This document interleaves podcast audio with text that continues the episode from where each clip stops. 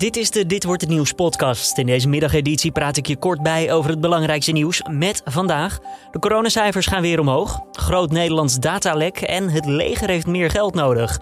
Mijn naam is Julian Dom. Het is donderdag 15 april en dit is de nu.nl Dit wordt het nieuws middagpodcast. Een forse stijging van het aantal coronabesmettingen. Bij het RIVM zijn 8.797 nieuwe besmettingen gemeld in één dag tijd. En dat zijn er 3.317 meer dan gisteren. Ook het gemiddelde aantal positieve tests stijgt. Afgelopen week lag die stijging op 10% vergeleken met een week eerder.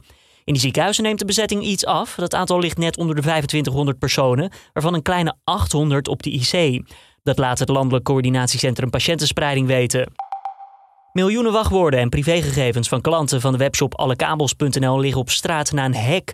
Dat maakt RTL Nieuws bekend. Je hoort techjournalist Daniel Verlaan. Het is het grootste datalek in Nederland ooit waarbij wachtwoorden zijn buitgemaakt. En die wachtwoorden zijn juist zo gevoelig. Die wachtwoorden kunnen namelijk criminelen misbruiken om jou te hacken... als je het wachtwoord voor alle kabels ook op een andere website gebruikt. Dus daarom zo spoedig mogelijk dat wachtwoord aanpassen. Het zou gaan om een database met gegevens van zo'n 3,6 miljoen Nederlanders. Ook zijn er 109.000 IBAN-nummers gestolen. Dat zijn rekeningnummers.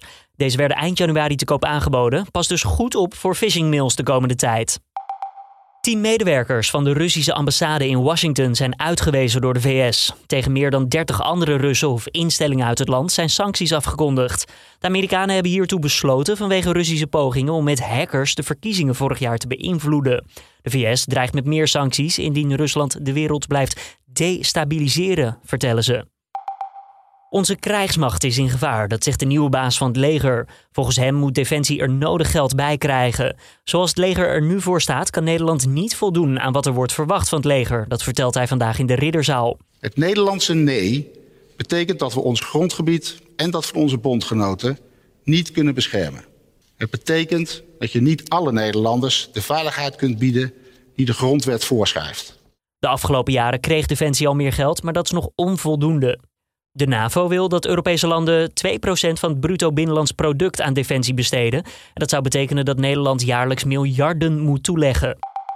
Wie de dreigmail heeft gestuurd naar een middelbare school in Groningen is nog niet duidelijk. Door het mailtje besloot de politie het Stadslyceum te ontruimen. Volgens het Dagblad van het Noorden ging het om een e-mail met de afbeelding van een pistool gericht aan de schoolleiding. Voor de leerlingen was het even schrikken. Dat hoor je bij RTV Noord. En we hadden allemaal geen idee wat, uh, wat er gaande was, zeg maar. Dus dan is het wel even van, oh, wat gebeurt er? Er was ook heel veel politie op school opeens. Ja, die liepen eigenlijk door de hele school. Dus er waren per klas waren er twee.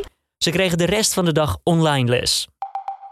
En waarschijnlijk zit jij vandaag ook weer de hele dag te werken op je thuiswerkplek. Nou, driekwart van de Nederlanders heeft blijkbaar geen goede thuiswerkplek. Je kunt er niet goed zitten, je hebt geen goede computer of laptop en er is te veel lawaai. Maar een kwart heeft wel alles goed voor elkaar. Bijna de helft van de mensen met een baan werkt momenteel thuis. En ja, de meeste mensen zeggen dat na corona ook te blijven zullen doen. Dan nog even het weer van Weerplaza. Zon en wolken die wisselen elkaar af. Vanavond en vannacht neemt de wind ietsjes af en lost de bewolking grotendeels op. Landinwaarts krijgen we wat lichte voorstaande grond. Morgen opnieuw zon afgewisseld met stapelwolken en de temperatuur ligt dan rond de 10 à 11 graden. En om af te sluiten, ja, het was even schrikken voor mensen in de Poolse stad Krakau. Een of ander dier zou daar namelijk al twee dagen in een boom vastzitten. Nou, de dierenambulance die werd natuurlijk gebeld en wat blijkt? Het ging niet om een kat, niet om een vogel, zelfs niet om een ontsnapt reptiel. Nee, het bleek om een joekel van een croissant te gaan. Ja, de dierenambulance die kon er uiteindelijk wel om lachen. Beter dat ze mensen bellen en het vals alarm blijkt te zijn dan andersom, zeggen ze. En dit was dan weer de Dit Wordt Het Nieuws middagpodcast. Deze keer van donderdag 15 april. Tips of feedback? Stuur het naar ons toe via podcast.nu.nl. Mijn naam is Julian Dom. Morgenochtend zit mijn collega Carne van der Brinken weer om 6 uur ochtends met het nieuws van dan op nu.nl en in de app.